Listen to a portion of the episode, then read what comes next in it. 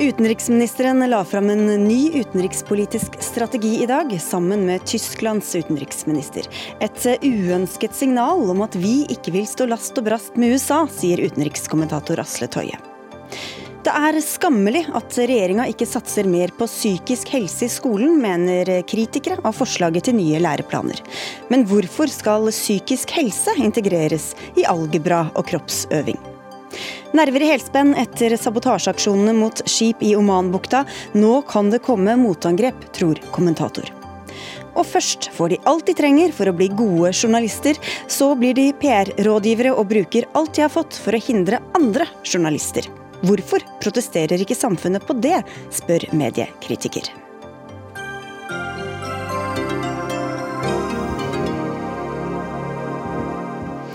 Vel møtt til Dagsnytt 18, hvor vi også skal snakke om snuspriser. Jeg heter Sigrid Solund.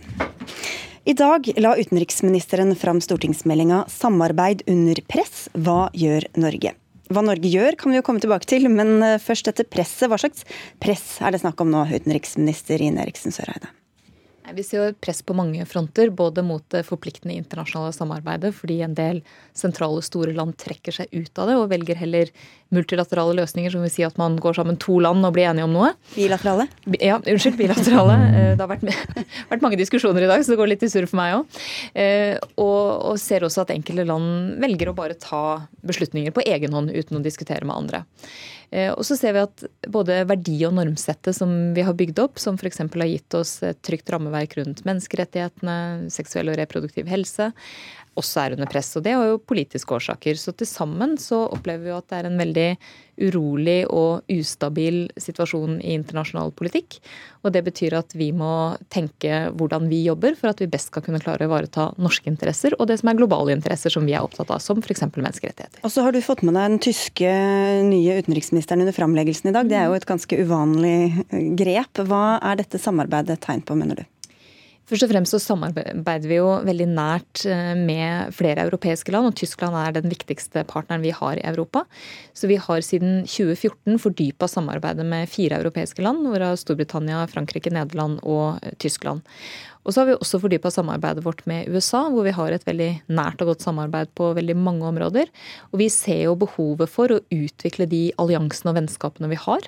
Men vi ser også behovet for å av og til finne nye, fordi en del land som vi ikke vanligvis er så enige med om ting, kan vi ha stor nytte av å samarbeide med på områder der vi trenger internasjonalt gjennomslag. Hvem da, f.eks.? Ja, Det kan være f.eks. land i Latin-Amerika eller Asia. Eh, vi ser jo at når eh, en del grunnleggende normer og verdier er under press, så holder det ikke lenger å samle en allianse av vestlige land og tenke at så lenge vi er enige, så lytter verden. Sånn ser det ikke ut lenger. Og da må vi også tenke litt nytt og litt annerledes, også om hvem vi samarbeider med og hvordan vi gjør det. Men det var veldig bra å ha Heiko Maas her i dag, eh, fordi at han også er en veldig en mann som er veldig opptatt av multilateralisme og det å klare å få til bedre internasjonalt samarbeid. Asle Toje, du var også på denne framleggelsen i dag. Du er da utenrikspolitisk forsker og kommentator. Hvor godt, godt verktøy vil du si at denne meldinga er for en framtidsretta norsk utenrikspolitikk? Ja, jeg vil vel starte med å si at uh, Norske utenriksministre legger frem, uh, vanligvis fram en stortingsmelding. Den siste store stortingsmeldingen på utenrikspolitikk som vi hadde, var i 2007, lagt fram av Jonas Gahr Støre, Norske interesser. Eh, så fikk vi i 2017, så la Børge Brende frem sitt verk, eh, som het, eh, het 'Veivalg', og kom i Den var vel en fjerdedel så langt som Jonas Gahr Støre. Jonas Gahr Støre hadde mye mer på hjertet. Men nå har vi, ser vi at Ine Marie Eriksen Søreide har lagt fram sin, og den er da dobbelt så lang som eh, Børge Brende, og halvparten så lang som Jonas Gahr Støre. Du har ikke bare talt sider? Men, men poenget er at innholdet er stort sett det samme i alle sammen. Ja, Hva betyr det? Eh, det betyr at uh, vi får beskrevet den internasjonale situasjonen i godt språk uh, og på en god måte. Det er lite å kritisere der. Uh, man understreker at, at, Norge tjener på en multilateral og samarbeidsverden, og det stemmer. Men ikke noe nytt, sånn som jeg nei, leser det? Saken er at Man får ofte inntrykk når man leser at Norge er en NGO med eget kongehus. Eh, og det er kanskje noe av problemet med alle disse rapportene. hvor mye dette sier om hvordan vi faktisk driver utenrikspolitikk. For jeg antar at Norge også har interesser, at vi forsvarer disse interessene, og at vi er klar over hva disse interessene er. Det må jo være en eller annen At det må være artikulert på et eller annet sted hva norske interesser er. Eh, men det finner du ikke her. Terningkast tre omtrent, hørtes ut som her, eh, Søreide. Ja, nei, fire. Jeg vil, si, jeg vil si fire. Det er godt språk. Okay. Ja, Det var jo voldsomt surmaga på en fredag ettermiddag, men eh, det, det er jo helt opp til Astrid Toje å mene. Det regjeringa er opptatt av, er hva som gir effekt, og hvordan vi best kan ivareta norske interesser. Og jeg syns det er ganske viktig å understreke at for Norge så er f.eks. havretten og EØS-avtalen to pilarer som har vært helt, og er helt uvurderlige for oss. Vi hadde ikke hatt den økonomiske situasjonen i dag eh, som vi har, hadde det ikke vært for det. Vi har vært helt avhengig av, og kommer til å være avhengig av, at vi har Nato som vårt sikkerhetspolitiske fellesskap. Og hvis ikke vi bruker tid og energi på å styrke de institusjonene, så kommer det til å få negative konsekvenser for Norge. Men hvordan styrker vi de institusjonene og alle de andre FN og de andre internasjonale institusjonene? En ting er at Vi jobber med reformer i institusjonene. Vi har jo vært arkitektene bak de endringene vi nå har gjort i Nato siden 2014, med ny kommandostruktur og ny maritim innretning. Og Det har vært et langsiktig arbeid som også den forrige regjeringa eh, allerede i 2008 begynte å ta initiativ til gjennom det såkalte nærområdeinitiativet. Så dette er et langvarig politisk arbeid fra norsk side, fordi vi ser at våre interesser må ivaretas på en bedre måte. At vi nå verner om EØS-avtalen er et annet eksempel, fordi det har enormt mye å si for norsk næringsliv og norsk velferd. Men så er det viktig å huske på også at når vi jobber med sentrale politiske problemstillinger internasjonalt, så er landskapet i såpass mye endring at mye av det jeg og Heiko Maas og andre av mine kollegaer bruker usedvanlig mye tid på nå, det er jo å forsvare mange av de framskrittene vi har oppnådd. Det er det nok ingen av oss som trodde at vi kom til å gjøre i 2019.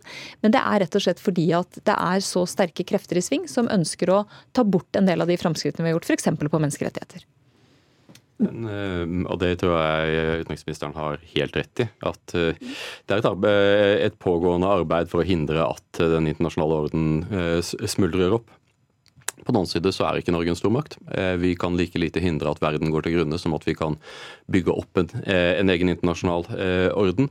Og Vi ender da lett opp i en sånn situasjon at vi blir konservative i den forstand at vi drømmer tilbake til en, til en tid da internasjonale institusjoner blomstret og overbevise oss selv om at vi bare bruker mer penger og mer eh, ressurser på disse organisasjonene, så vil de vende tilbake. Men jeg tror ikke at denne rapporten helt tar inn over seg sin egen analyse. Eh, når det, eh, de endrede maktforholdene er det som driver svekkelsen av multilateralisme. Men, men hvis du, du er enig i analysen, men hva slags virkemidler er det du etterlyser da? Jeg tror at eh, etter min oppfatning så eh, Norge utviklet en engasjementspolitikk på 1990-tallet som har blitt båret fram i ulike inkarnasjoner av ulike regjeringer, rød-grønne og, eh, og, blå. Eh, og dette tankegodset er i ferd med å gå ut på dato. Og vi ser dette i at Norge vi har hatt en, en policy der vi kan være uenige med amerikanerne, men vi vil gjerne at våre utenrikspolitiske linjer skal være forenlig med amerikanerne. Det er den ikke i dag. Eh, og det tror jeg er redd for at vil bli satt på eh, utstilling når vi får plass i Sikkerhetsrådet. Det tror jeg at vi kommer til å lykkes med pga. godt håndverk. Men hvor, hvordan er den ikke forenlig med amerikansk utenrikspolitikk? Mens amerikanerne snakker om egeninteresser, eh, eh, suverenitet og nasjonale interesser, så snakker Norge om altruisme, multilateralisme og, og en, en, en, en verden som er preget av en helt annen dynamikk. Eh, og dette kan veldig lett eh, manifestere seg i at våre to syn kolliderer i et spesifikt spørsmål. Og vi sitter i FNs sikkerhetsråd og må da velge mellom å backe opp vår viktigste allierte eller å følge, følge i artet. Begge deler vil ha ganske uakseptable konsekvenser for oss. Og Hva velger vi da? Ja, altså først og fremst er det sånn at Stortingsmeldinga ikke drømmer seg tilbake til en tid som er forbi. Snarere tvert imot så skriver vi eksplisitt at vi tar utgangspunkt i en realpolitisk orientering. Vi snakker om verden som den er, ikke som vi skulle ønske at den var. Og vi velger virkemidler deretter. Og Noe av det vi snakker om er jo behovet for å reformere institusjonene. For hvis vi ikke gjør det, så kommer de til å forvitre. Og det, det vi ser veldig mange steder i mange av organisasjonene, er at de mangler effektivitet og resultater. De mangler representativitet. Og hvis vi ikke er med på å reformere, så er det noe som kommer til å ramme både institusjonene og norske interesser. Og vi snakker jo om norske interesser. Men, men, men kan det knyttes, knyttes både nærmere til USA og til veldig mange andre land samtidig? Ja, det er det mulig, men bare, bare, for å ta det siste delen av resonnementet. Altså, det vi også sier eh, veldig tydelig i forbindelse med meldinga, og som jeg sa på fremleggelsen i dag også, er at vi kan ikke gjøre dette her aleine. Vi har ingen idé eller tanke om at dette er liksom et norsk prosjekt som ingen andre trenger å bidra til. Tvert imot. Men vi mener at vi kan være en stemme i det arbeidet, fordi det vil tjene norske interesser og våre globale interesser. Og så til poenget om eh, både USA og andre. Vi har eh, et nært og godt forhold til USA. Det fortsetter vi å ha, og det ønsker vi å videreutvikle. Samtidig så har vi altså over de siste fire-fem åra også videreutvikla forholdet vårt til mange europeiske land. Og det er ingen motsetning mellom det, fordi at vi ser at våre interesser og de interessene vi har globalt, ivaretas godt i den miksen. Og sånn er det for de aller fleste land. Altså, du kan ikke bare lene deg på ett land eller én region. Du må faktisk bygge partnerskap og, og bygge nettverk. Men så ser vi også at Kina får og tar mer makt også på verdensordenen. Hvordan ser dere på det? Vi beskriver det en del i meldinga også, at det er jo for det første en del av den globale maktforskyvninga som gjør at USA og Europa relativt sett får mindre makt, og den skyves østover. Ja, er det uheldig? Men Så, og på noen områder så ser vi at det kolliderer med norske interesser, og for så vidt europeiske interesser. Og vi ser jo at noe av det vi er spesielt på vakt for, er at kineserne, når de nå tar en større plass utenrikspolitisk og en større plass i multilaterale organisasjoner, som de ikke har gjort på samme måte før, så gjør de jo det også for å endre noen av de grunnleggende normene og, og reglene. Menneskerettigheter, blant annet. Ja, som ikke tjener våre interesser. Og som vi da, eh, i de foraene hvor vi deltar sammen, er veldig tydelige på at vi er uenige, og vi tar det også bilateralt. Men kan, hvorfor gjør da norske myndigheter alt i deres makt for å ha et best mulig forhold til dette regimet, og dermed også gir Kina mer makt? Vi hadde i seks år en situasjon hvor vi ikke kunne snakke med kineserne om noe, heller ikke menneskerettigheter. Det var en dårlig situasjon for begge land. Det at vi nå har et normalisert forhold til Kina, gjør at vi også kan ha et bredt forhold til Kina. Det er bra, men det betyr ikke Men Dere er bekymra for makten og vil gi dem mer makt samtidig? Men sånn kan man si om mange land. Altså, det er jo ikke bra hvis ett land får for mye makt, enten det er det ene eller det andre landet. Eh, vårt poeng er jo at vi med Kina, som vi gjør med alle andre land, har punkter hvor vi samarbeider godt, og vi har punkter hvor vi er uenige. Og det fortsetter vi å diskutere med kineserne. Lar dette seg forene, Toje, også med tanke på eh, USA, altså forholdet til USA? Saken er at eh, alle utenriksministre de siste 30 årene ville kunne gi to tomler opp for dette dokumentet. Det er ikke, det er ikke veldig spisst. Eh, men i denne avveiningen mellom realisme og idealisme, så det var en ting jeg bet meg fast i en setning her. Når vi nå må ta et langt større ansvar selv for å forsvare de grunnleggende verdiene, normene og rettighetene, vil vi ha mindre tid og kapasitet til annet. Eh, det er vanskelig å lese det på noen annen måte enn at norske interesser vil underordnes eh, denne internasjonale idealismen. Jeg tror ikke det er klokt. Jeg tror ikke at tiden er, eh, tiden, dette er tiden for det. Hvilke interesser er det du mener da? Hvordan leste du det? Du sier det, det, det står at vi må underordne Nei. Vi har mindre tid og kapasitet til annet. Og det som ikke ble nevnt, var våre interesser. Så jeg går ut fra at det er det som faller under hva vi, vi, vil ha mindre tid og kapasitet Nei, til. Det er ikke det som faller inn under det. Og det står jo i også en helt annen kontekst. Det handler om å forsvare det utenrikspolitiske handlingsrommet vårt. Eh, det vi erkjenner veldig tydelig, er at, som jeg var litt inne på i stad, det at vi nå må bruke mye mer tid på å forsvare mye av det som er oppnådd eh, f.eks. når det gjelder menneskerettigheter, gjør at mye, energi, mye, av energien og tida, både min og andre utenriksministre sin, går med til det.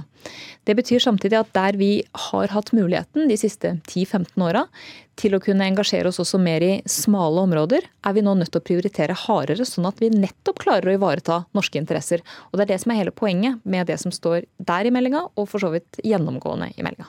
Tida løper ut her, men eh, du snakker om internasjonale institusjoner. Fremskrittspartiet har kritisert pengestrømmen fra Norge til FN i, i mange år. Hva slags diskusjoner har dere hatt internt i regjeringa? Hva slags gjennomslag har FrPs utenrikspolitikk fått?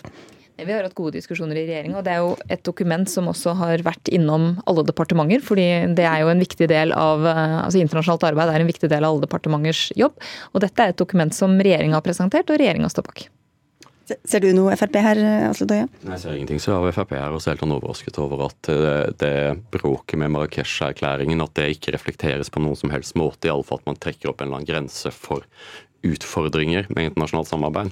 Eh, Og det kan være sånn at et, et av regjeringspartiene vil ha problemer med det. Det kan ikke jeg uttale meg om. Okay. Men det ser ikke ut som at Frp har vært med og blitt konsultert i dette. I alle fall så er det ingenting som, fra FrPs kjernesaker som reflekteres i dette dokumentet. Det tror jeg ikke.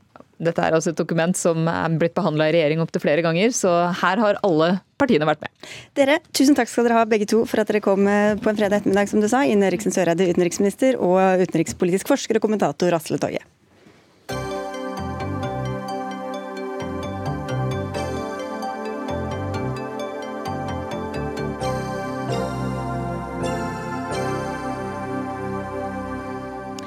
Regjeringas satsing på psykisk helse i skolen har spilt fallitt, ifølge en rekke fagpersoner. I en kronikk i Aftenposten retter psykologiprofessorer og skolefolk krass kritikk mot kunnskapsministeren, fordi psykisk helse, ifølge dem, knapt er tatt med i forslaget til nye læreplaner for skolen. Arne Holte, professor emeritus ved Psykologisk institutt ved Universitetet i Oslo. Du står fremst i rekken av kritikerne her. Du bruker ord som skammelig og pinlig, men hva er problemet her? Utgangspunktet er, La meg bare skissere uh, hva dette dreier seg om. Uh, psykisk helse er landets absolutt viktigste ressurs. Vår evne til å regulere følelser, til å tenke fornuftig, styre vår atferd og møte sosiale utfordringer. Hvis ikke det er noenlunde på plass i en befolkning, så klarer vi ikke å utnytte alle de andre ressursene optimalt. I Norge er det slik at psykiske lidelser koster Norge 290 milliarder kroner per år. Det er like mye som vi må øke alderspensjonene med i 30 år fremover for å opprettholde levestandarden. Så dette er vanvittige kostnader knyttet til dette så har vi en kraftig økning blant psykiske, plager, psykiske plager blant uh, barn og unge. og Vi kan ikke behandle oss ut av dette. Vi er nødt til å forebygge det. Og Disse lidelsene de debuterer, de altså oppstår i barne- og ungdom så tidlig voksenalder.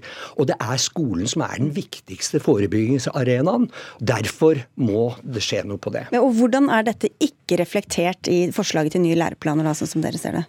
Det er tre hovedanliggender vi har i disse læreplanene, dette nettverket som jeg i dag representerer. Eh, det første er at elevene må lære helt grunnleggende ting om forholdet mellom følelser, tanker og handlinger. Det finnes det ingenting av i kompetansemålene. Det finnes mange vakre ord i omtalen av fagene, men når det kommer til kompetansemålene, som er det som Jan Tore Sanner selv sier at er det elevene skal kunne og lære, så står det ingenting om det. Det andre anliggende som er viktig, det er at dette utvikles jo over tid. Hos barn og unge og frem til voksen alder. Så følelsesutviklingen, utviklingen av tenkningen vår, utviklingen av atferden vår er nødvendig. Vi lærer på skolen mange tenner du har i munnen, mange ribbein du har i siden, men ikke hvor mange følelser du har i maven, ikke hva de heter for noe, ikke hvordan du kan kjenne det igjen, og ikke hvordan du uttrykker dem. Vi lærer, vi, vi, vi lærer, på skolen hvordan hjertet fungerer, hvordan lungene fungerer, men ikke hvordan følelseslivet fungerer, hvordan tenkningen vår fungerer, og hvordan atferden fungerer. Vi tar det videre derfra, kunnskapsminister Jan Tore Sanner. Hvorfor er det ikke flere følelser med i læreplanene? Hvorfor er ikke det en del av dette kompetansemålet som vi snakker om? Jeg er eh, veldig langt på vei enig i det Holte sier. Ja. Ikke minst eh, viktigheten av eh, å fremme god både fysisk og psykisk helse. Det er ikke noen tvil om at trygge barn som trives, de lærer også bedre. Det vi gjør nå, det er jo at vi fornyer skolens innhold. Det skal nye læreplaner på plass fra høsten 2020. Vi diskuterer dem stadig her. Ja, og det, det, er jeg veldig glad for. Det er noe av det viktigste vi gjør. Det, er jo, det, det skal jo prege hva, hva, som skal være skolens innhold. Noe av det viktigste vi nå gjør, det er å egentlig slanke læreplanene. Det er fordi at det skal være mer rom for læreren til å være lærer, og for elevene til å gå i dybden. Så får vi da et av de tverrfaglige temaene som nå skal inn. Det heter folkehelse og livsmestring. Og Det dreier seg jo nettopp om at eh, elevene skal få kompetanse eh, og fremme god psykisk helse. Så er det også spørsmål om hva er det som skal stå i kompetansemålene. Og Jeg mener jo at eh, kompetansemål det, skal, det handler om hva elevene skal lære, hva elevene skal kunne. Der skal læreren vurdere deg, og, og, du skal få karakterer. Og det er ikke alt som skal vurderes, det er ikke alt det skal være karakter på. Slik at skolen skolens mål, skolens formål, skolens oppdrag er veldig mye mer enn det som står i kompetansemål. Men det står jo noe om dette i noen kompetansemål. Et av dem um, heter etter andre trinn så skal eleven kunne samtale om kjensler, kropp, kjønn og seksualitet, og hvordan egne og andre sine grenser kan uttrykkes og respekteres.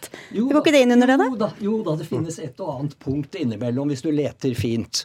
Um, og stort sett så finnes det innenfor samfunnsfag, da hovedsakelig med en samfunnsvitenskapelig, ikke en psykologisk tilnærming til det. Og psykisk helse er egentlig redusert helt ned til identitet og fellesskap. Følelsesutvikling, som er helt sentralt i dette, er nesten fraværende. Vi har tellet opp ordet følelser og kjensler, hvor ofte det brukes. Det er tre ganger på rundt 300 mål til sammen. Men, men, men Holte, eh, skolens eh, oppgave og formål er mye mer enn det som står i kompetansemål. La meg gi, gi, deg, gi deg et par eksempler. For eksempel så skal skolen fremme et godt læringsmiljø. Det handler jo om tanker, følelser, og handlinger. Og skal du utvikle et godt læringsmiljø La meg bare få fullføre nå. Eh, godt læringsmiljø er ikke nedfelt i et kompetansemål, men det er et viktig formål for skolen. Og Jeg reiser mye rundt på norske skoler, og jeg ser at lærerne er gode på dette. Elevene er mye flinkere til å sette ord på sine følelser i dag enn da vi gikk på, på skolen. og det utvikles også gode verktøy som brukes i skolen. For Bruk Hue, som er utviklet av Telenor. Et veldig godt interaktivt verktøy hvor, som diskuteres i klassen. Og det handler nettopp om men, følelser. Men, men, det vi ofte diskuterer, er jo hva, som, hva, de må og hva de kan. ikke sant? Der er litt forskjell. Og Da, da har du et kompetansemål etter fjerde klasse, hvor elevene f.eks.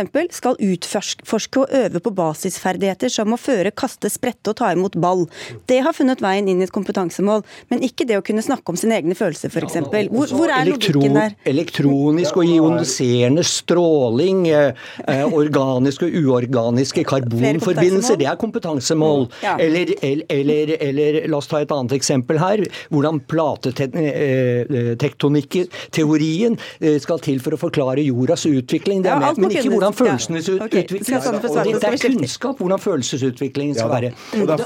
Ja, men må få svare på det, da. Og Derfor ser jeg frem til de innspillene som, som du og dine kommer med.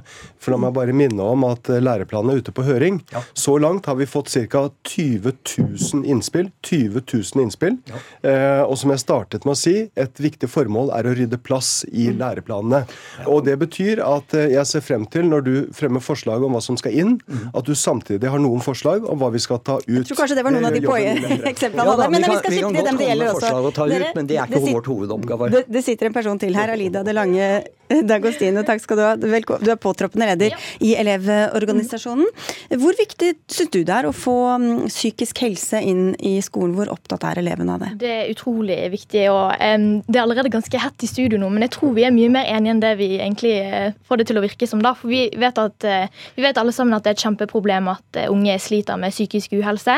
det er bare å snakke med en tilfeldig klasse eller slå på en av debattsidene på nettet en tilfeldig dag, og så leser man om hvor, hvor, alvorlig det er. da. og det er åpenbart at ungdom i dag ikke får forutsetningene til å mestre sin egen psykiske helse. Eh, og de positive konsekvensene av, man, eh, av at man får det, de er jo utelukkende positive. Um, og det er jo som sagt alle vi i studio veldig enige om, eh, at det må ha plass i skolen. Men så er jo vi tydeligvis veldig uenige om hvordan vi skal få det til, da. Ja, fordi Hva mener dere da? Trenger vi egne kompetansemål for psykisk helse? Ja, det og der føler jeg at jeg må være litt dritten i midten, egentlig. For jeg har lyst til å utfordre begge, begge mennene ved min side. Um, for vi må løfte blikket litt og se på hvorfor vi fornyer fagene i det hele tatt. Og mye av grunnen til det er jo fordi at vi kjenner på et utrolig stort stofftrengsel, som er roten til veldig mye stress og press, og at man føler at uh, opplæringen kanskje er kjedelig eller uh, overveldende eller alt på en gang. Um, så um, og dette påvirker jo den psykiske helsen. Så eh, hvordan skal vi sørge for eh, at eh, det blir mindre stoff, stofftrengsel i skolen? Det lurer jeg på eh, hos deg, Sander. Og så hvis psykisk helse skal bli en del av læreplanene, og elevene da blir vurdert i det, vil ikke det da fungere mot sin hensikt? Altså Vi er jo veldig for at man skal mm. kunne snakke om det uformelt i, i timene med elevene sine, og faktisk ikke føle at man har en prøve som står for døren. Ja, vi kan jo ta det videre til deg, Holte. Hvordan skal man egentlig kunne måle det om elevene er i stand til å mestre egne følelser og skjønne alt hva som skjer inni Her må vi skille mellom det som er kunnskap, som grunnleggende kunnskap, f.eks. det å kjenne igjen følelser, det å vite hvilke følelser, grunnleggende følelser vi har. Står ingenting om det i læreplanen. Rett og slett vite hvilke følelser det er. Ømhet, glede, nysgjerrighet, sinne, skam, sjalusi osv. Vi kan ramse opp eh, masse følelser. Det, å- det å kjenne dem igjen, det er viktig. Det å kjenne igjen tankemåter. Men så er det et annet viktig moment i dette. Jeg pleier å si det sånn. For 50 år siden var jeg veldig god til å løse annengrads ligninger i matte. For 40 år siden kunne jeg løse førstegradsligninger. Jeg kan ingen av delene lenger. Og det grunnen er jeg har ikke øvet på det. Jeg er ganske god i engelsk fordi jeg har bodd i USA i noen perioder. Så jeg kan snakke engelsk, så jeg har fått øve på det. Det samme er det med psykisk helse. Vi må trene på tenkemåtene våre. Vi må tre Istedenfor å havne ut i grublerier når verden går oss imot, så må vi trene på måter vi kan møte dette på, som er med på igjen å regulere følelsene.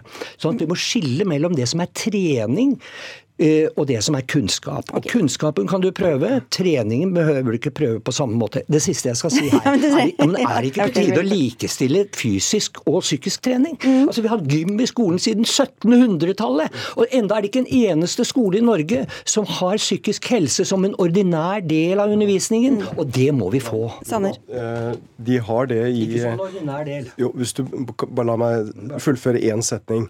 Eh, La meg ta et par eksempler på det. I, eh, i Østfold eh, så har de psykisk helse på timeplanen. Ja, jeg jeg er en av de som driver det prosjektet. ja, Ja. ja, nettopp. Men da er vi igjen tilbake til at du har eksempler, men at dette ikke er noe som er gjengs Jo, i hele skolen. Nei, ikke sant? Poenget mitt er at mange lærere gjør en veldig god jobb på dette i dag.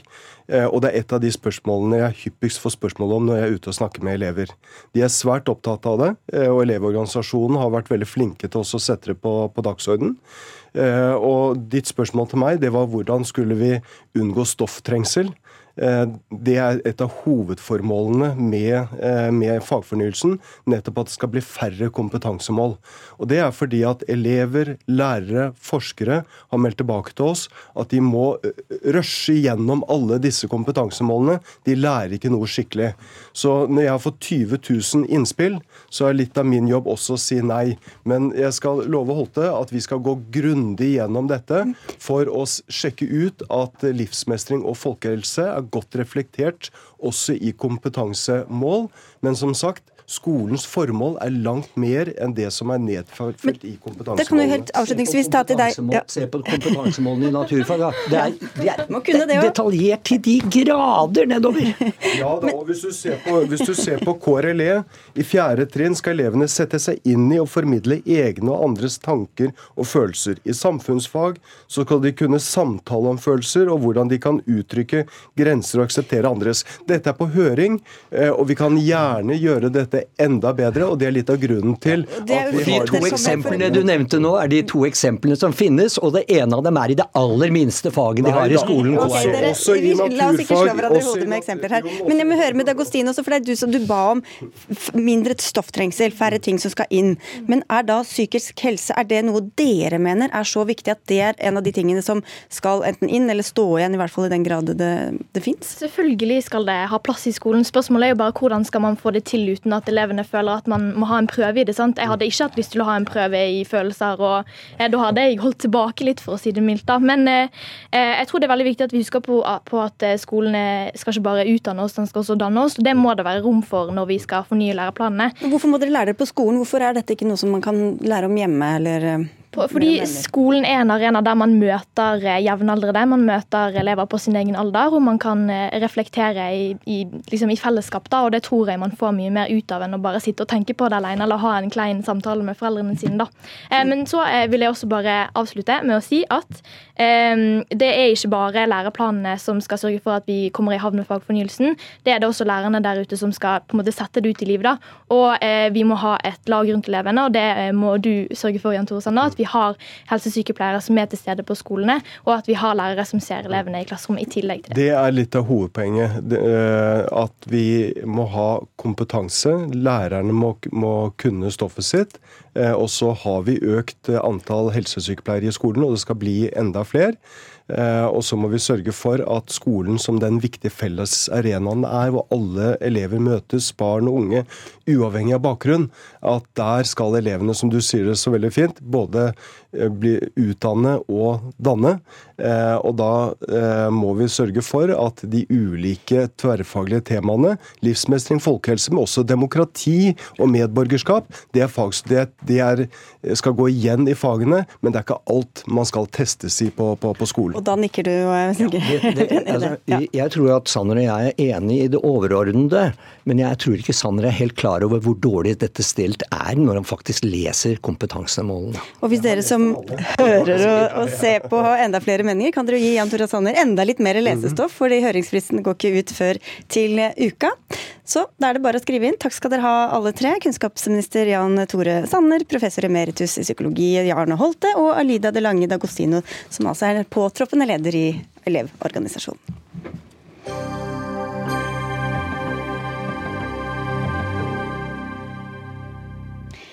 Snart skal vi snakke om snus her i Dagsnytt 18, men først litt mer storpolitikk. Vi vet fortsatt ikke hva som forårsaket eksplosjonene om bord i norskeide Front Alter og et japansk skip i Omanbukta i går.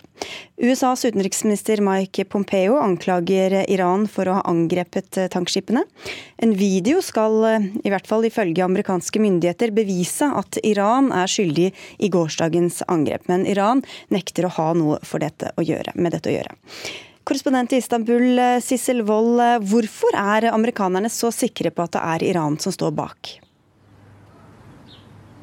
Ja, Lenge før etterforskerne har konkludert med noe som helst, så har eh, da Det hvite hus kommet opp med denne videoen, som de mener eh, beviser at Iran står bak dette angrepet. Og dette materialet har de fått fra etterretningen, sier de.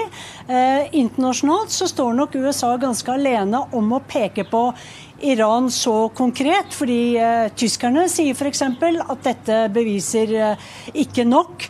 Og president Hassan Rouhani fra Iran han er i Kirgisistan sammen med lederne for Kina, for Russland, for mange land, eh, der hvor han også får eh, støtte.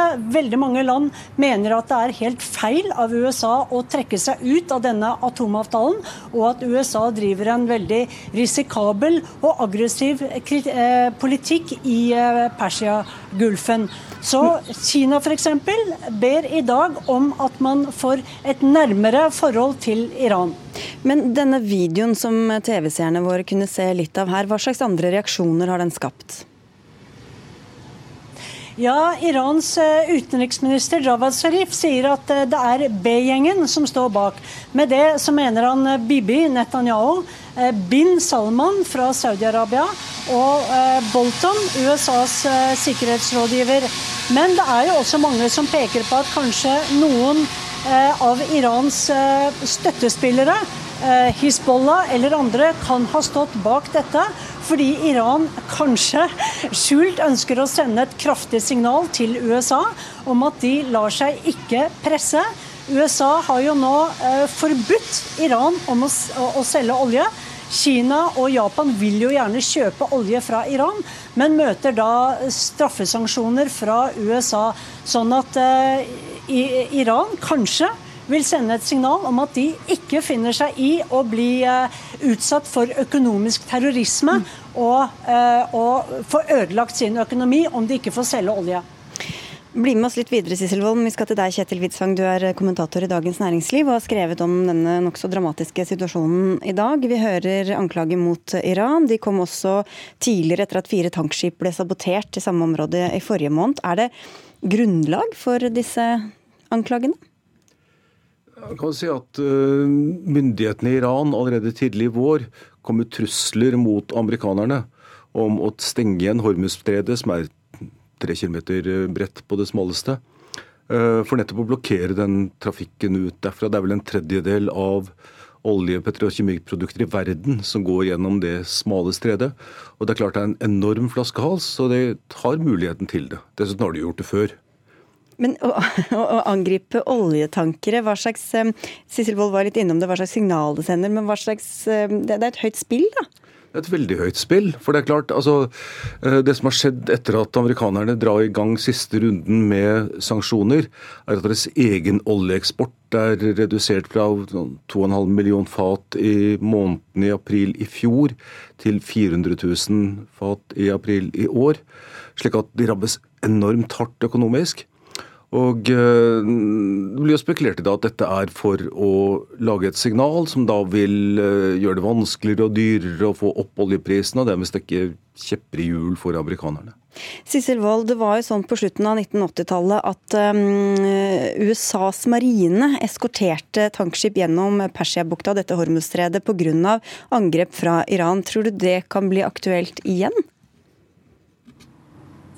Nå ligger egentlig ballen hos eh, president Donald Trump og Det hvite hus administrasjon. fordi at hvis de fortsetter å presse Iran, sånn at uh, Irans økonomi virkelig kollapser, så vil jo Iran ikke sitte stille og se på dette. Uh, Iran har uh, muligheter, sier de, for å strenge Hormuzstredet eller for å lage mye problemer for de viktige, viktige oljetransportene som går gjennom dette stredet rett utenfor deres egen stuedør. Vi skal snakke litt mer om det. Lars Alvestad, du er fungerende sjøfartsdirektør. og I dag har dere gått ut og advart norske fartøy eh, mot å holde seg, eller mot å dra til dette farefulle området. Hva slags avveininger ligger til grunn for den advarselen? Det er den uh, hendelsen som skjedde for ca. fire uker siden, og ikke minst det som skjedde i, i går. Med, med, disse tankskipene som ble satt i, i brann pga. detonasjoner i i skrog. Eh, og Basert på den eh, etterretningen som vi har, eh, så fant vi ut at det eneste rette her for å ivareta sikkerheten til skip og mannskap, var å gå ut med en sånn, en, sånn et råd som vi har gitt, for å unngå at vi utsetter disse for mer fare enn nødvendig. Og vi har sagt, korrigert litt i, nå i ettermiddag med å si at de bør redusere transitten i iransk farvann til et minimum av det som er nødvendig. Nettopp for at de skal kunne passere opp i Hormuzstredet. Men så er det altså sånn um, i Jon Fredriksens supertanker Front Alter ble satt i brann utenfor kysten av De forente arabiske emirater. Et annet skip han eier er også blitt angrepet. Og dette er jo ikke første gang at han er ute i hardt vær. Er det tilfeldig, eller hva er det som kan ligge bak? Det er vel ikke tilfeldig, for, for så vidt som han er verdens største tankreder. Så det er klart, Og uh, de aller største skipene går jo inn der. Men det er klart, det er jo en slags sånn politisk eller historisk gjenvisitt, fordi han bygde opp seg opp første gang til å bli veldig rik på 1980-tallet, da det var krig mellom Iran og Irak. Og 450 tankbåter ble angrepet i dette området. Døde nesten 500 mennesker. Del norske båter. Og Fredriksen var jo de som da gikk der på tross, på tross av disse advarslene. Så mens uh, sjøfolkene fikk dobbelt hyre, så ble han milliardær. Ja. Hva slags blanding da av storpolitikk og, og økonomi og handel er det vi ser her? Det er klart, det er jo litt som Donald Trump nå bruker handelspolitiske midler til å, for å oppnå politiske uh, gevinster. Så er det, kan du jo ane at det er det iranerne gjør òg. At man da prøver å drive opp oljeprisen, skape frykt. og Problemet og den risikoen her er at når du begynner på den måten, så kan ting veldig fort gå galt, og du kan få en veldig farlig eskalering i det mest samfølsomme området i verden omtrent. Hva slags beredskap Alvestad har dere for eh, norske skip eh, som beveger seg i dette farvannet?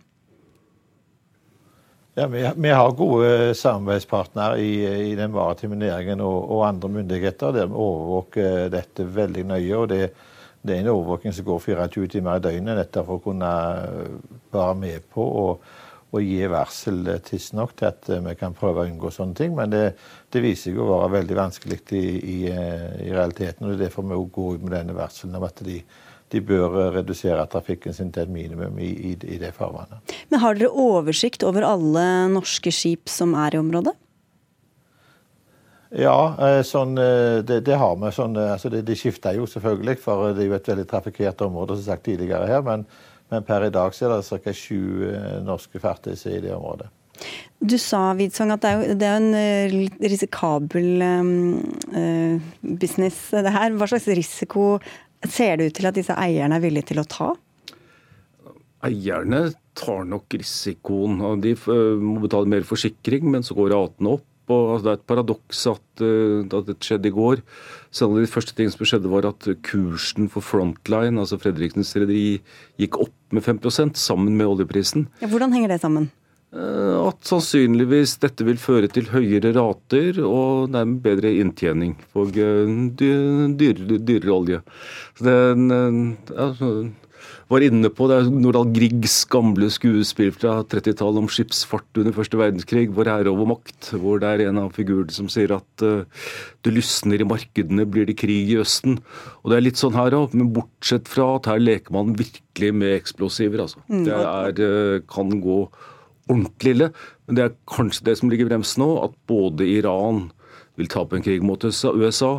USA er heller ikke interessert i å sette Midtøsten i brann. Vi får se, vi får håpe. Eh, takk skal dere ha alle sammen for at dere var med. Kjetil Widsvang fra Dagens Næringsliv, Lars Alvestad, fungerende sjøfartsdirektør, og til Sissel Wold med fra Istanbul.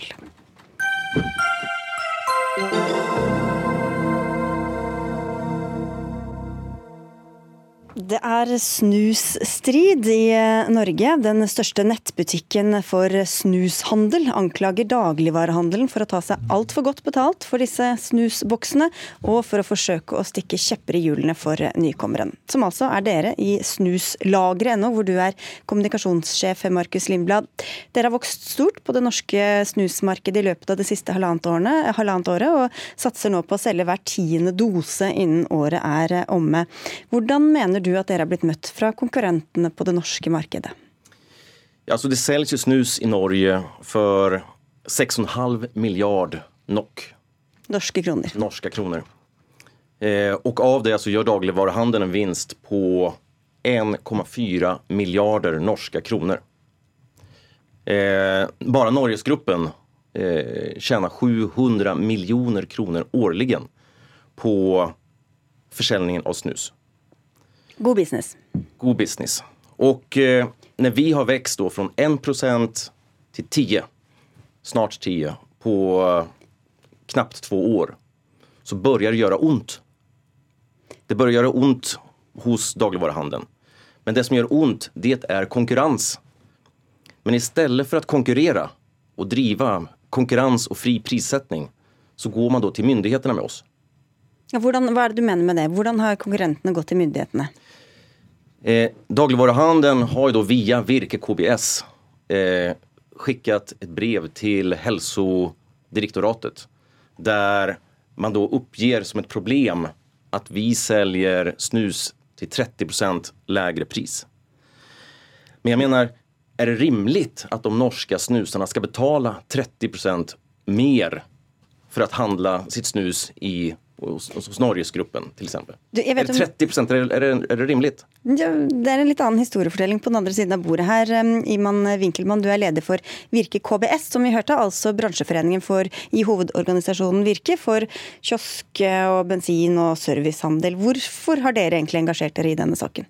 Takk for muligheten til å komme til studiet i ettermiddag og oppklare viktige forhold. Vi virker... For dette har vært saker i VG bl.a. Det glemte jeg. Dette har vært saker i media tidligere og vi har eh, fått beskyldninger mot oss. Men la det ligge. Vi er handel- og servicebransjens hovedorganisasjon. Vi har eh, en stor familie med oss. Det betyr at vi har dagligvarebutikken hos oss, vi har kiosken hos oss, vi har bensinstasjonen hos oss. Vi har de stedene hvor forbrukerne møter, møter handelen hver eneste dag. De er organisert hos oss. Og så er vi jo opptatt av at det skal være like spilleregler i markedet, enten vi snakker om alkoholomsetning eller vi snakker om snusomsetning. Eh, og faktum er det at denne saken dreier seg aller mest om like spilleregler i markedet. Vi valgte å gå til Helsedirektoratet og spørre dem hvordan er det tobakksskadeloven fungerer. Hvordan fungerer den i møte med de fysiske omsetterne, og hvordan fungerer den i møte med de digitale omsetterne. Og så har Helsedirektoratet valgt å svare på det. Og de sier veldig tydelig at eh, praksisen som enkelte av de digitale snuseaktørene opererer med, ja, det er helt klart i strid med loven. Noen av disse aktørene bryter så tydelige bestemmelser i markedsføringsforbudet i tobakksskadeloven. Og så er det svakheter knytta til andre forhold. Blant annet har man operert med volumrabatter. altså Kjøper man flere bokser snus samtidig, så har man gitt prisavslag på det. Og Da sier Helsedirektoratet at disse aktørene som opererer på den måten, de bryter norsk lov.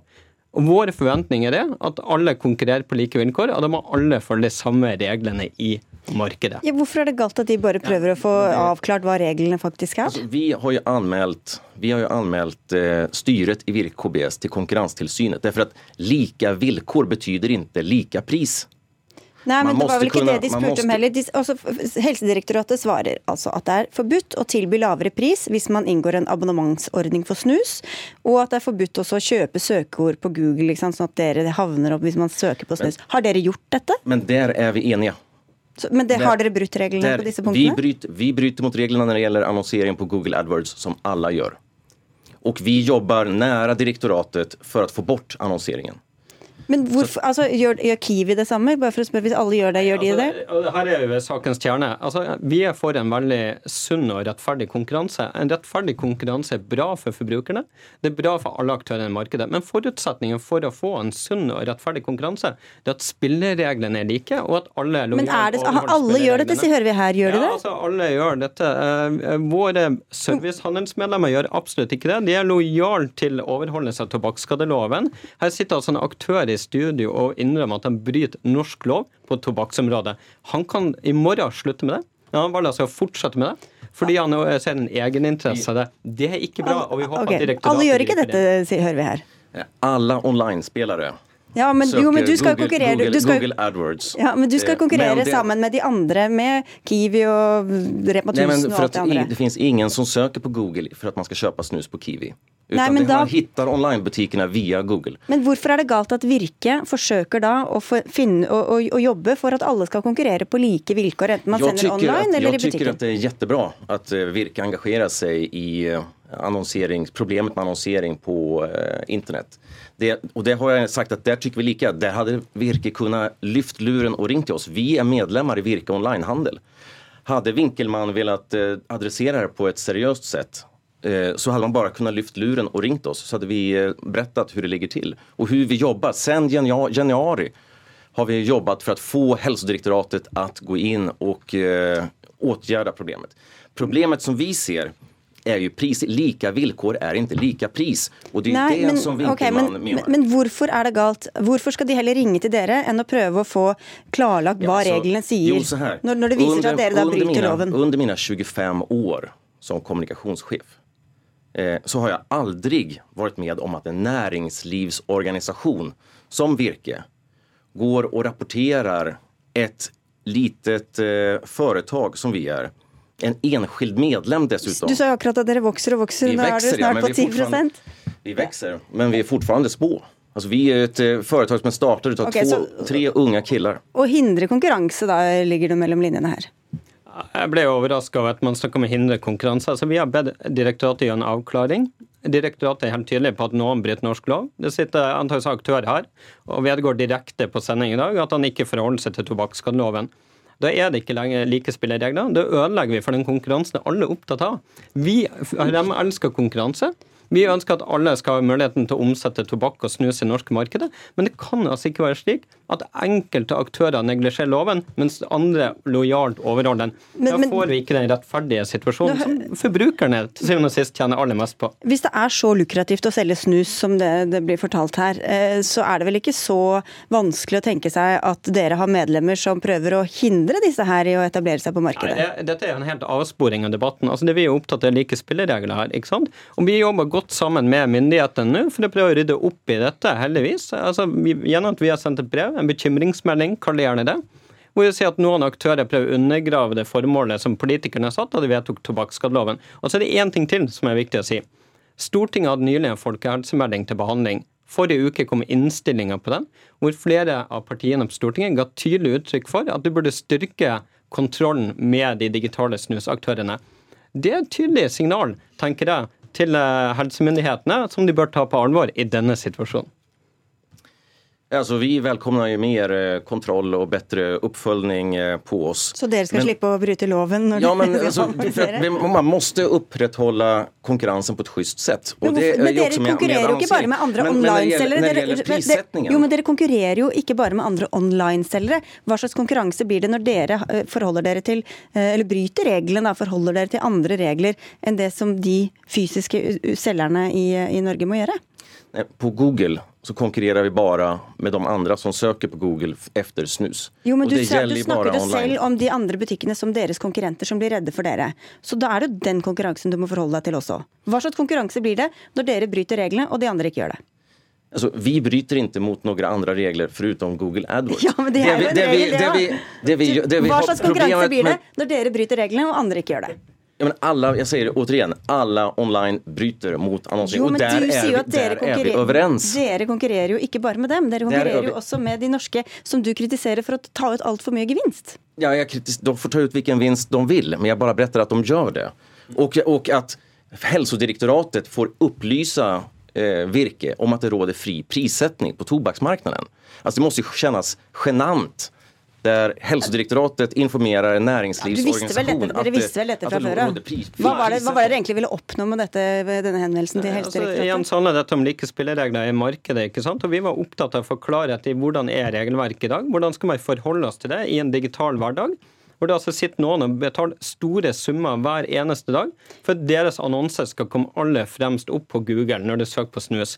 Og det er klart, Da er det jo en situasjon hvor vi ikke kan henge opp en salgsplakat med rabatt på snus, eller at vi har et tilbud på snus, eller at vi omsetter snus. Et tilbud er det Altså, åpenbart ikke, med tanke på Så- det dere så- tjener på det. så har du- så- men Unnskyld, jeg må få snakke ferdig. Og da har vi andre aktører som også betaler, betaler annonsering for det, hvor vi ikke har samme muligheten. Da er det ikke den frie, rettferdige konkurransen. Og vi har lyst til å jobbe sammen med myndighetene for å informere til og med svenske snuslobbyister om hvordan regelverket er. For dette kan de åpenbart ikke ha skjønt. De er medlem hos dere også, da. Bare for å ha av Virke-familien, men dette handler ikke om hvem som er medlem av Virke. Dette er en mye større diskusjon enn hvem som er i vårt medlemssystem til enhver tid. Vi har vært i kontakt med Helsedirektoratet, som sier at de også kommer til å følge opp det som gjelder mulig ulovlig annonsering i planene for tilsyn på dette området, så da får vi se hvor det går.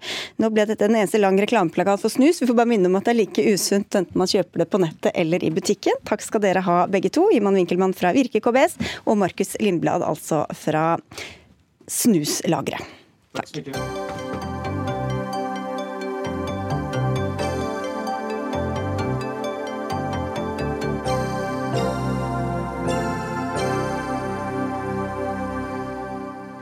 Først gir vi dem alt det de trenger for å bli gode journalister i samfunnets tjeneste. Så bruker de alt de har fått på å hindre journalister i samfunnets tjeneste. Det vi snakker om er altså journalister, og dette kunne vi lese i en kronikk i Aftenposten denne uka. Eller i en spalte du har der, Anki Gerhardsen. Du er altså skribent eh, blant annet, og sitter i det såkalte Kildeutvalget, som nettopp ble nedsatt av Presseforbundet. Hva er det dere og du ser der som gjør deg så bekymra med tanke på dette? Ja, Nå har vi intervjua et ganske stort antall journalister og redaktører i hele Norge. Og det vi har spurt om, er deres omgang og kontakt med kilder. Rutinerte kilder og urutinerte kilder. Mektige kilder og avmektige kilder. Og nesten uten unntak forteller våre informanter at de mektigste kildene har de mektigste PR-rådgiverne. Eh, Og det er eh, et stort apparat. Eh, Som regel er det større enn det redaksjonen er. Eh, Og de jobber på en måte som gjør eh, journalistikkens betingelser veldig vanskelige, til dels eh, umulige. Men så sier du jo ikke bare at det er PR-apparatene, men det er jo nettopp det at journalister melder overgang også til disse PR-byråene eller kommunikasjonsavdelingene. Hvorfor er det verre enn at bare noen tar seg kommunikasjonsutdannelse og går rett dit? Ja, Det er fordi at eh, journalistikk er ikke et hvilket som helst yrke. Eh, samfunnet legger til rette for at vi skal kunne ha journalister og eh, journalistikk, både gjennom økonomiske ordninger, men også ved å gi journalister adgang til rom og kilder som andre mennesker ikke har tilgang til. Sånn at gjennom et yrkesliv så opparbeider man seg kunnskap og kompetanse om store deler av det norske samfunnet. Eh, gjennom kanskje fortrolige samtaler. Folk bruker av sin arbeidstid for å lære deg opp og gi deg tilgang i det de kanskje ser på som samfunnets tjeneste. Da. Og så tar man med seg denne verktøykassa, denne bagasjen, og så går man inn i det som jeg kaller for antijournalistikk. Og Det betyr ikke at jeg mener at PR-bransjen er ond, men det er det stikk motsatte av journalistikkens eh, Altså Den har en helt annen funksjon enn det journalistikken har. Vi kan jo høre med deg, Astrid Bugge Mjærum. Du er tidligere styreleder i Kommunikasjonsforeningen og er eh, kommunikasjonsdirektør i Skatteetaten. Hvor mange journalister har du i din stall, for å spørre om det først? Det, nå har jeg ikke fått telt opp akkurat, men vi er nok under en tredjedel av journalister som jobber i kommunikasjonsavdelingen i Skatteetaten. Det som er uh, viktig å si, for det første vil jeg si at uh, jeg syns du reiser en legitim debatt da, om hvordan deler av demokratiet fungerer og utvikler seg, og, og hva slags uh, makt journalister besitter. Så det syns jeg er fint å diskutere. Og så syns jeg likevel at du fremstiller et noe gammeldags bilde av hvordan de fleste kommunikasjonsavdelinger jobber. Eh, for tvert imot så er det jo eh, mange eh, som bruker dagen sin på å hjelpe dyktige fageksperter til å åpne opp mot mediene. Men jeg tror at det som er noe av grunnen til at jeg f.eks. ansetter av og til noen med journalistisk bakgrunn, det er jo at store organisasjoner har behov for kunnskap om hvordan mediene f.eks. kan fatte interesse for komplekse problemstillinger. Som f.eks. internasjonal debatt om skatt og digitalisering. Det er ikke sånn at det eh, er lett å få til en samfunnsdebatt om slike typer problemstillinger. Og, og derfor er det også nyttig for oss som organisasjon å ha den kompetansen uh, hos oss. da. Altså, det er jo hyggelig at du kaller journalister et veldig spesielt yrke, Gerhardsen, men hva er egentlig den store forskjellen på altså Samfunnet legger jo også til rette og betaler for at folk skal kunne bli jurister eller leger, og så er det noen av dem som velger å gå over i andre yrker etter hvert. Mm. Nei, Jeg prøvde å beskrive det litt i stad. At man får en spesiell tilgang til rom og kilder som andre mennesker ikke har. Du kan f.eks. For å ta et enkelt eksempel, da, så kan journalister være til stede i en rettssak som er lukka for allmennheten, fordi man mener at det er viktig at samfunnet får informasjon gjennom journalistene. Sånn at det er et spesielt yrke som gir en adgang og kunnskap som, som er ment å anvendes i en spesiell form for virksomhet. Eh, og Jeg sier ikke at det skal være ulovlig å gå over til PR-bransjen, men jeg syns det er, ligger noen etiske problemstillinger her, også noen demokratiske utfordringer, og jeg syns det diskuteres altfor lite. Så er kanskje ikke skatteetaten liksom det mest sånn Eh, rå eksempler. Men eh, vi har jo kollegaer som har blitt eh, kommunikasjonssjefer for de største partiene i Norge, eller de største aktørene innenfor næringslivet. Sånn at det, det handler om å betjene makta med den kunnskapen man har fra da man skulle avdekke makta. Og Hvis du ikke tenker på akkurat skatteetaten, men som du tidligere da satt i som styreleder i Kommunikasjonsforeningen, Bugge Mjørum, hvordan, hvordan, så dere på det å liksom få journalister som kom til det vi kaller den andre siden, for å si det pent. Eh, med den, alle de kontaktene og all, de, all, den innsikten som kanskje var annerledes enn de som kom fra andre deler av samfunnet. Nei, nå opplever jeg at de aller fleste mennesker har, eh, som gjør slike valg, har en god rolleforståelse eh, som gjør at det ivaretas. Men det som det ofte handler om i denne debatten, er jo hvorvidt det er åpent hvem man representerer. Ikke sant? Eh, og det jeg tenker jeg har lyst til å spørre deg om, eh, Anke Gerhardsen, er jo om du ville sett på det som en like stor utfordring dersom det var eh, åpenhet rundt kundeforholdene? Om det er egentlig det du mener er problematisk rundt det? Eller om man bruker kompetansen og erfaringen sitt til å sette ulike problemstillinger på dagsorden? Altså at, at, man er åpen på at man har tidligere vært journalist? Nei, om, om, om, kundelistene er åpne. Altså at det ikke er sånne lukka kundelister når du jobber som kommunikasjonsarbeider. Hvis, hvis, alle vet hvem du jobber for, om det gjør det mer uproblematisk å ha sånne overganger? Eh, nei, eh, altså det våre informanter forteller om er at eh, det er eh, PR-rådgivere som er med intervjuobjektet når det skal intervjues. Altså politikere på høyt nivå, mektige næringslivsledere. De skal ha alle spørsmålene på forhånd. De skal ha sitatsjekken sendt til kommunikasjonsrådgiver. De får tilbake masse sånne røde penn og omformuleringer. Og det er en kontroll over hvordan journalistikken får jobbe og virke. Mm. Det er der problemet ligger. Det hjelper ikke så veldig om man liksom sier fra at det er sånn det foregår. Dere er for mange og for til stede, Merum? Men jeg har jo selv uh, hatt den rollen i mange tilfeller. Og det er klart at f.eks. i sitatsjekker, som du sier, da, så er det jo sånn at uh, det er en del uh, arbeidstid som går med på den mer den administrative kontakten med journalistene, som jeg tror ikke nødvendigvis hadde gjort demokratiet vårt bedre hvis toppledere skulle sitte og gjort hele tiden.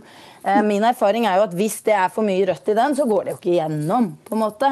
Så Det som er viktig, er jo hvordan man ivaretar den relasjonen. Og jeg er jo enig med deg at det er ikke bra eh, hvis det er en utvikling som er sånn at man ikke får eh, reelle samfunnsdebatter opp. Dere, nå fikk vi i hvert fall denne opp. Det var det du etterlyste også, Anke Gerhardsen. Takk skal du ha. Takk til deg, Astrid Bugge Mjærum. Det er eh, over for i dag for Dag, for Dag Dørum, holdt jeg på å si.